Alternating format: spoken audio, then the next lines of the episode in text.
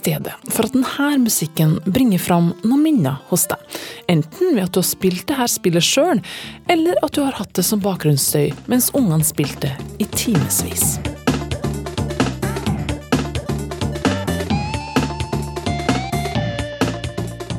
Mye godt kan sies om lydsporet til TV-spillet Donkey Kong, men det er vel sjelden omtalt som en høykulturell musikalsk nytelse. Men med den teknologiske utviklinga kom ikke bare et hav av nye muligheter i denne for meg heller ukjente spillverdenen. Musikken ble med årene også veldig mye bedre og mye mer avansert.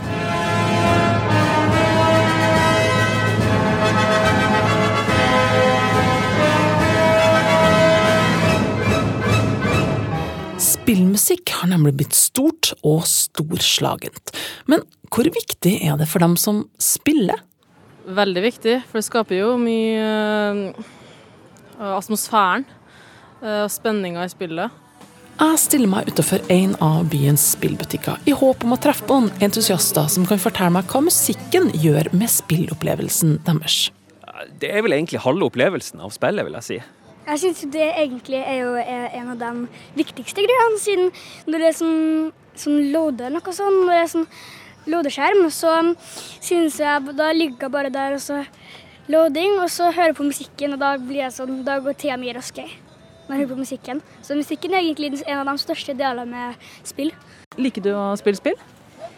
Ja, jeg gjør det. Mye av grunnen er faktisk musikken, siden du lurer på det. Jeg syns det er så mye flott musikk.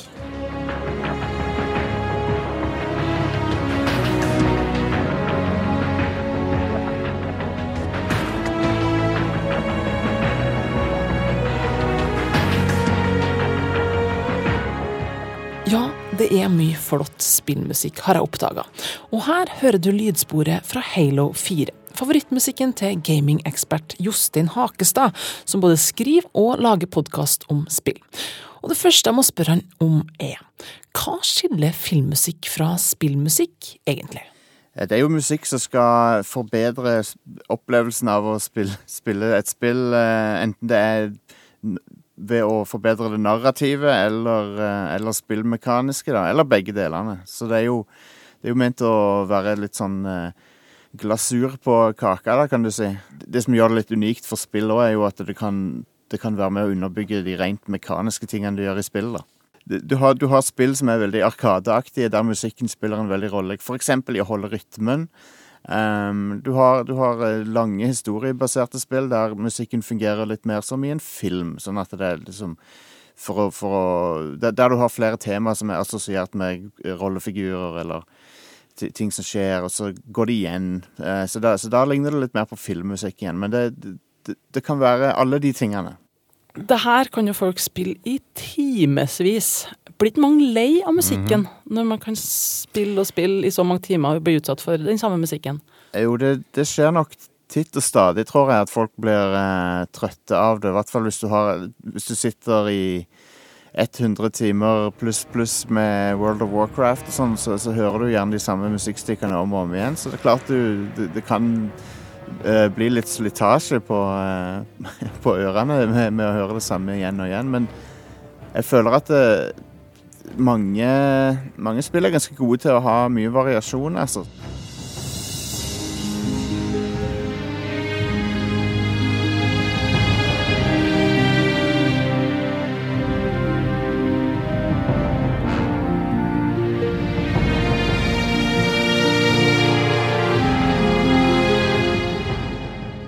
Hva har musikken å si for suksessen til et spill?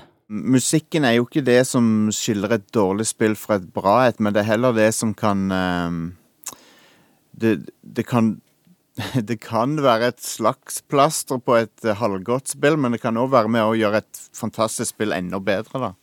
Det er jo klart at uh, måten musikken uh, kan forbedre spillet på, varierer litt òg, for det, det, det hvis, La oss si at du har et uh, no, Noen spill er jo helt avhengig av musikken. sånn som rytmebaserte spill. og sånn, da, da hadde jo ikke, Det hadde jo ikke vært et spill uten det.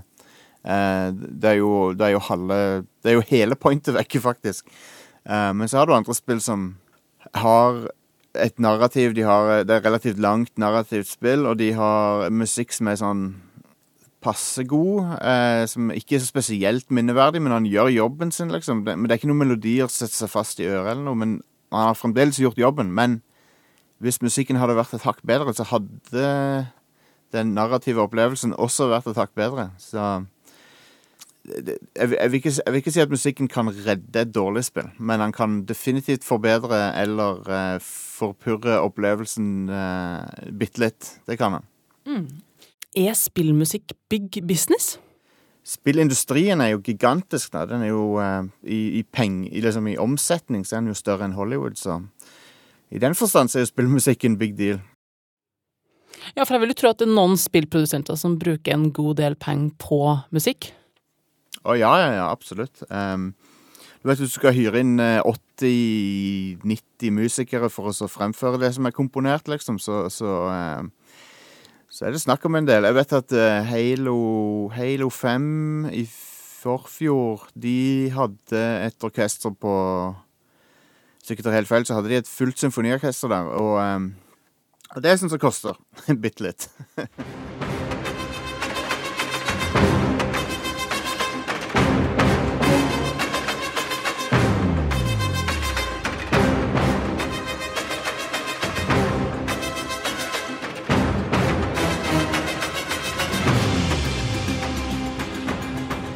her er altså lyden av Halo 5.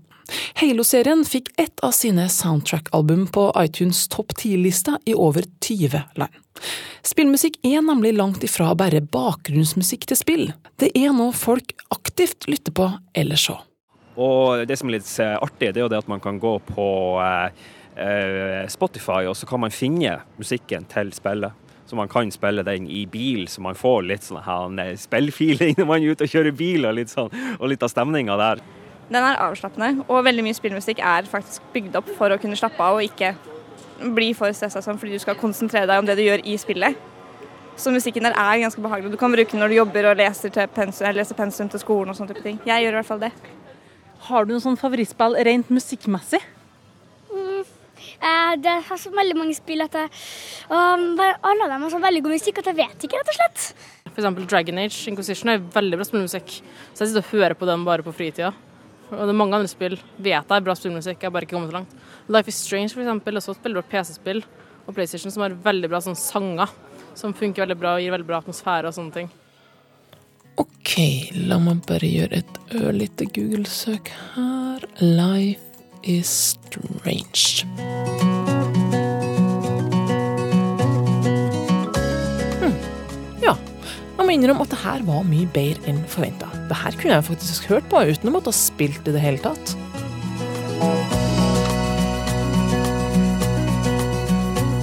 To all of you American girls, it's Spillmusikk har kommet et langt stykke fra utgangspunktet med 8-bits, eller chipmusikk som det kaltes. Nå kan du få spillmusikk på vinylplate om du vil, og i 2010 ble spillmusikk for første gang representert i en egen kategori under den anerkjente britiske Ivor Novello-prisutdelinga. Samme år som Christopher Tins ble den første som vant en Grammy-pris med spillåta Baba Yeto fra Civilization 4.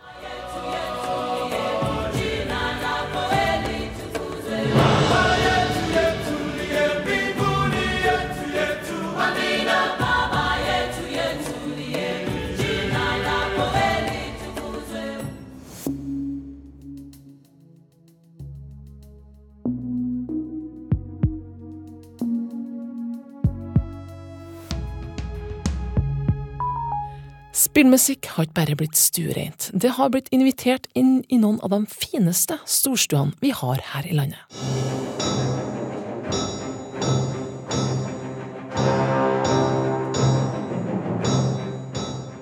Rundt om i Norge har du nemlig de siste årene hatt muligheten til å høre f.eks. som her musikk fra World of Warcraft og annen spillmusikk gjort levende av symfoniorkester. Både i Bergen, Stavanger, Kristiansand og Oslo. Men det var Trondheim Symfoniorkester som var først ute i 2012 med det svenskimporterte spillmusikkonseptet kalt Score. Jeg spør Nina Steen, kommunikasjonssjef ved TSO, som Trondheim Symfoniorkester ofte blir forkorta til, om hvordan responsen var denne første gangen. Den første konserten så var det om lag 700-800 publikummere. Og vi er jo litt bortskjemt, for det er jo fulle hus. Det magiske tallet er 1100. 1161, da.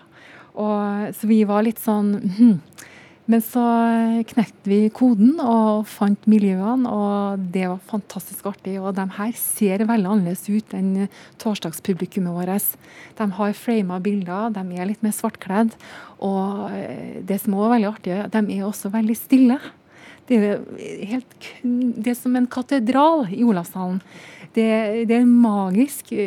Endelig spiller vi på en måte deres musikk. Og det er ikke noe, noe mobiler eller noe popkorn eller noe knasking eller uh, tørking av noen verdens ting. Kanskje tårer. Men uh, de, de, de, har så stor respekt for det vi er, og at vi spiller deres uh, musikk som de er veldig interessert i.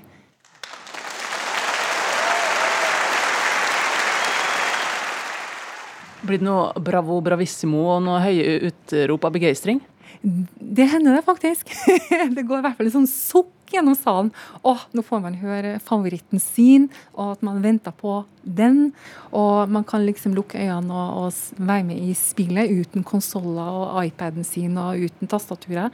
Kan bare liksom lene seg tilbake og være med inn i sin verden, i spillverdenen sin, og nyte musikken fra TSO. Og sånn høres det ut når Trondheim Symfoniorkester spiller opp til ja, spill.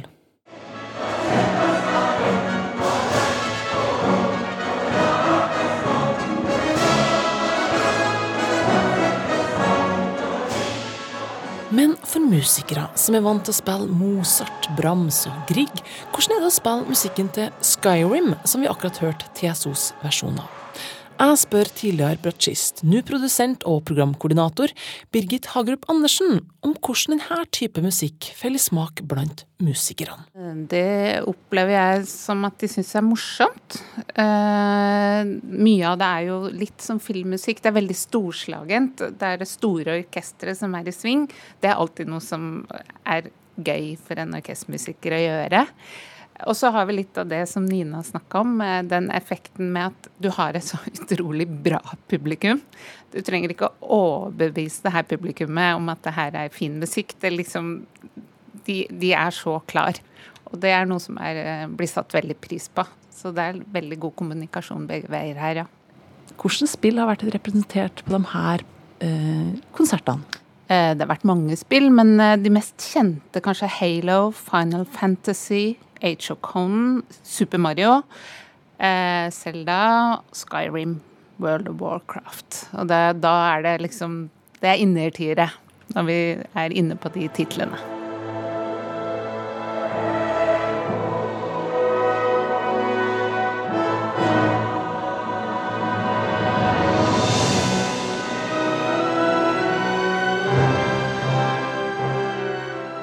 Du svarte litt på det, men altså, hvordan deler eller melodier har skapt mest begeistring? Da har jeg egentlig lyst å fortelle om når vi spilte fra Zelda, Legend of Zelda. Da spilte vi på en måte en suite. Og inni den suiten, det vet jo alle som har spilt det her spillet, så er det ganske viktig med en sånn okarina, som det heter. Altså på norsk heter det leirgjøk. Det er et lite spesielt blåseinstrument som blir spilt på.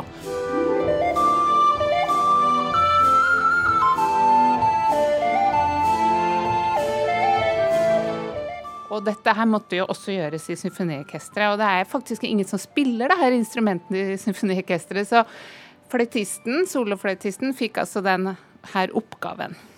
Og hun ble ganske fortvilt, for det var ikke så veldig lett å spille på en sånn. Så hun øvde da altså nærmest dag og natt i flere uker for å få til det her. Og det her var veldig flott, fordi Orvar, som er konferansier, da, han fortalte dette her til publikum. Og det ble veldig sterkt for dem at et, eh, en musiker fra et symfoniorkester som sitter da, vi sitter jo i kjole og hvitt og spiller, hadde brukt så mye energi på å få til å spille denne lille melodisnutten. Så det var mange tårer som uh, rant da, ja. Under den uh, lille melodien der.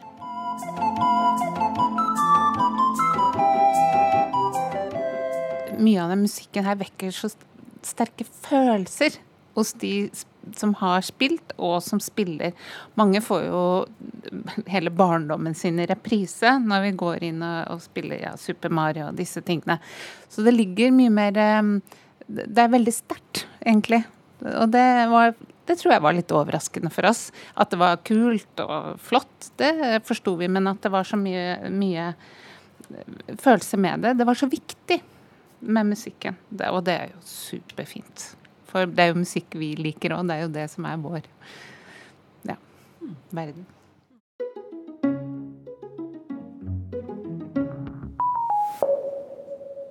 Ifølge NHO Virke er omtrentlig 500 mennesker involvert i spillindustrien i Norge. Hvor mange av dem som driver med spillmusikk, var ikke like lett å finne ut av. Men jeg fant faktisk to her i lille Nidaros som driver også med det. Neste holdeplass Ila. Ikke helt Ila, men i Ilsvika ligger Deep Frost Studios. I et industriområde helt ute ved Trondheimsfjorden.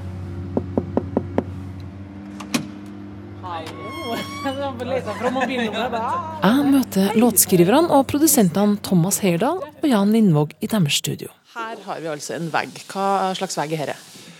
Her er den skryteveggen vi har, da, med litt forskjellige typer artister. i forskjellige sjangere. Hvorfor og hvordan begynte dere med å lage spillmusikk? Du, det var egentlig ganske tilfeldig. For vi har jo laga mye popmusikk og forskjellige typer sjangere til artister. Og via det nettverket så kom vi også i kontakt med folk innen spillundervisningen. Som eh, var som å komme opp med noen forslag til noe spill. Thomas og resten av gjengen i Deep Frost har tidligere fått musikken sin med på Harry Potter-spillet, som igjen har ført til videre forespørsler innen spillmusikk. Du, eh, nå har vi eh, levert eh, nettopp noe musikk til Viacom i England, gjennom management der. Som har i England, ja. Og det er litt mer sånn popmusikkaktig. Jeg vet ikke helt ennå hva det blir til, og hvilke typer spill. Men det ligger vel an til at det blir noe sånn actiongreier. Er ikke det veldig hemmelighetsprega å lage spillmusikk? Jo, det er jo det, for at, uh, du må jo passe på så du ikke røper hva du har laga, og, og ikke minst ikke spille opp det du har laga. For da er jo vitsen bort. så man må, man må passe på litt, og, og um, man jobber jo også etter deadline og sånne ting, så man må passe på litt så det ikke lekkes noen plass ut på nett eller noe sånt. Så. Ja, Men er det sånn at dere får full tilgang til spillet, eller får dere bare liksom eh, noen deler, eller hvordan fungerer det? Det er litt forskjellig, det kommer man litt på. Det er litt sånn etter deadliner der, ja. Så noen ganger så får man mer tilgang til å gå gjennom alt. Noen ganger så får man bare små snutter, som man bare leverer. Så litt forskjellig. Mm. Harry Potter, holdt de eh, kortene til brystet? Absolutt. Så Der fikk dere ikke vite så mye om eh, Dere fikk ikke se så mye av spillet dere skulle komponere til, eller fikk dere se selve spillmaterialet, eller hvordan, hvordan gjorde de det? Du, det var faktisk Da jobba vi etter briefs. De sendte over briefs. Så fikk vi liksom nøyaktig forklart da, hva de ville ha. Så da var vi i konkurranse med flere andre, da, og, og de gjør også veldig mye internt eh, der, da. Men eh, de likte veldig godt det vi gjorde, så det var artig å få veldig god tilbakemelding. da. Men en brief det er rent skriftlig, da ser du ingen eh, bilder av spillet? Ja, det stemmer. Skjønner. Ja, Det er ganske hemmelighetsfullt, vil jeg påstå. Og dere lager jo både musikk til radio, TV og film, som jeg har forstått det. Hvordan skiller spillmusikken seg ut? Jeg vil påstå den er mye mer teknisk detaljert. Altså du får eh, Ofte på eh, det, det vi leverte til, til Potter-briefet, da, så var det en sånn eh, Vi må tenke litt utenfor boksen, for der var det på en måte to to settinger, altså avhengig av hvilken vei det gikk, så skulle musikken gli over i en mer sånn lystig, eller mer sånn «Ah, Nå går det dårlig. Og det var en, det er sånn Ja, det har ikke vi tenkt i de banene før. Hvordan løser vi det? Jan og Thomas viser meg hvordan én spillscene kan få to musikalske utfall ut fra hvem som vinner kampen. Det her er lyden av Det er lyden av når eh, Dumbledore holder på å vinne i den kampen mot han eh, godeste han, Which name shall not be mentioned? Voldemort, som jeg ikke er redd for å si. Du, hva, Kan jeg få høre musikken når Voldemort vinner? Ja, riktig.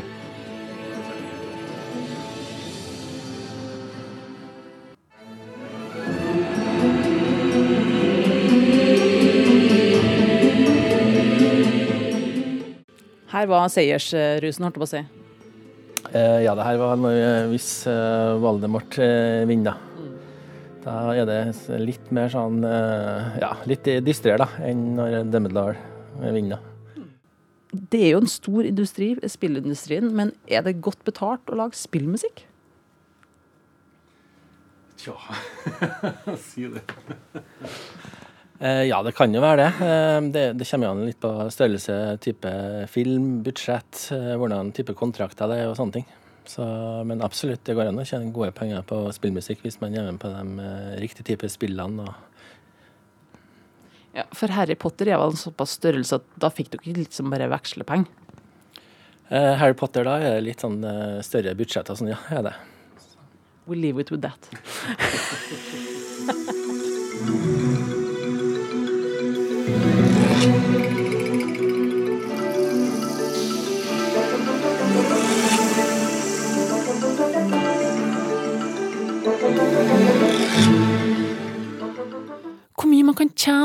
komponere spillmusikk, kommer an på hvilken avtale man får med spillprodusentene, men ikke minst hvor mange eksemplarer eller nedlastinger av et spill som blir solgt.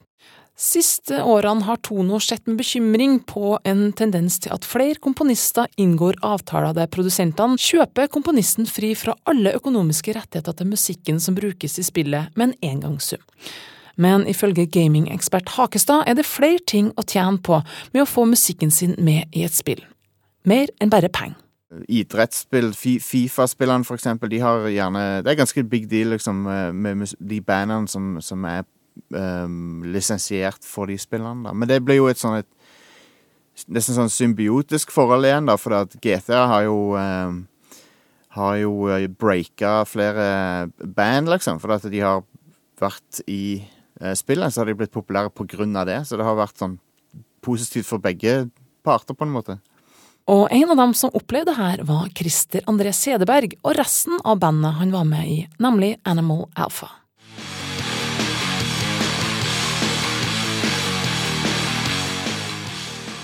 Det som skjedde for vår del, var at eh, de som jobba i den norske avdelinga av EA Games, var veldig fan av bandet. Så de ville gjerne hjelpe å pushe oss gjennom sine kanaler. Så da fikk de oss på to forskjellige burnout-spill og et NHL-spill. Og det var med en låt som heter Bundy.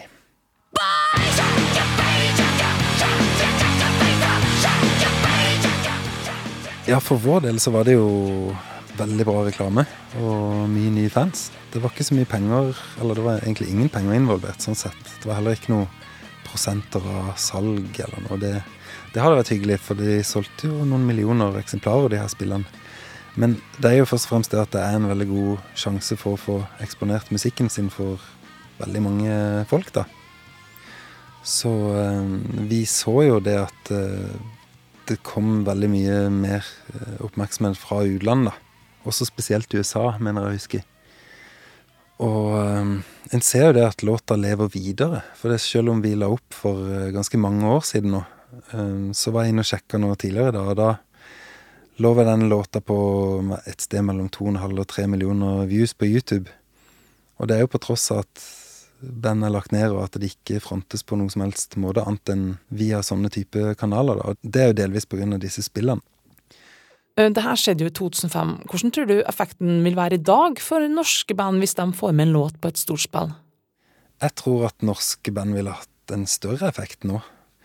Eh, Når vi holdt på, så var jo det den tida hvor bransjen stupte, og hvor en ikke var i nærheten av å få kompensert for eh, det tapet man hadde av fysiske salg. Og nå er jo ting i endring, og en ser jo en forsiktig optimisme hos de forskjellige aktørene i bransjen, bl.a. pga. streaminga, at det begynner å jevne seg ut og ta seg opp. Så jeg tror at et band ville kunne utnytte det å få ei låt med på et spill bedre nå. Det tror jeg.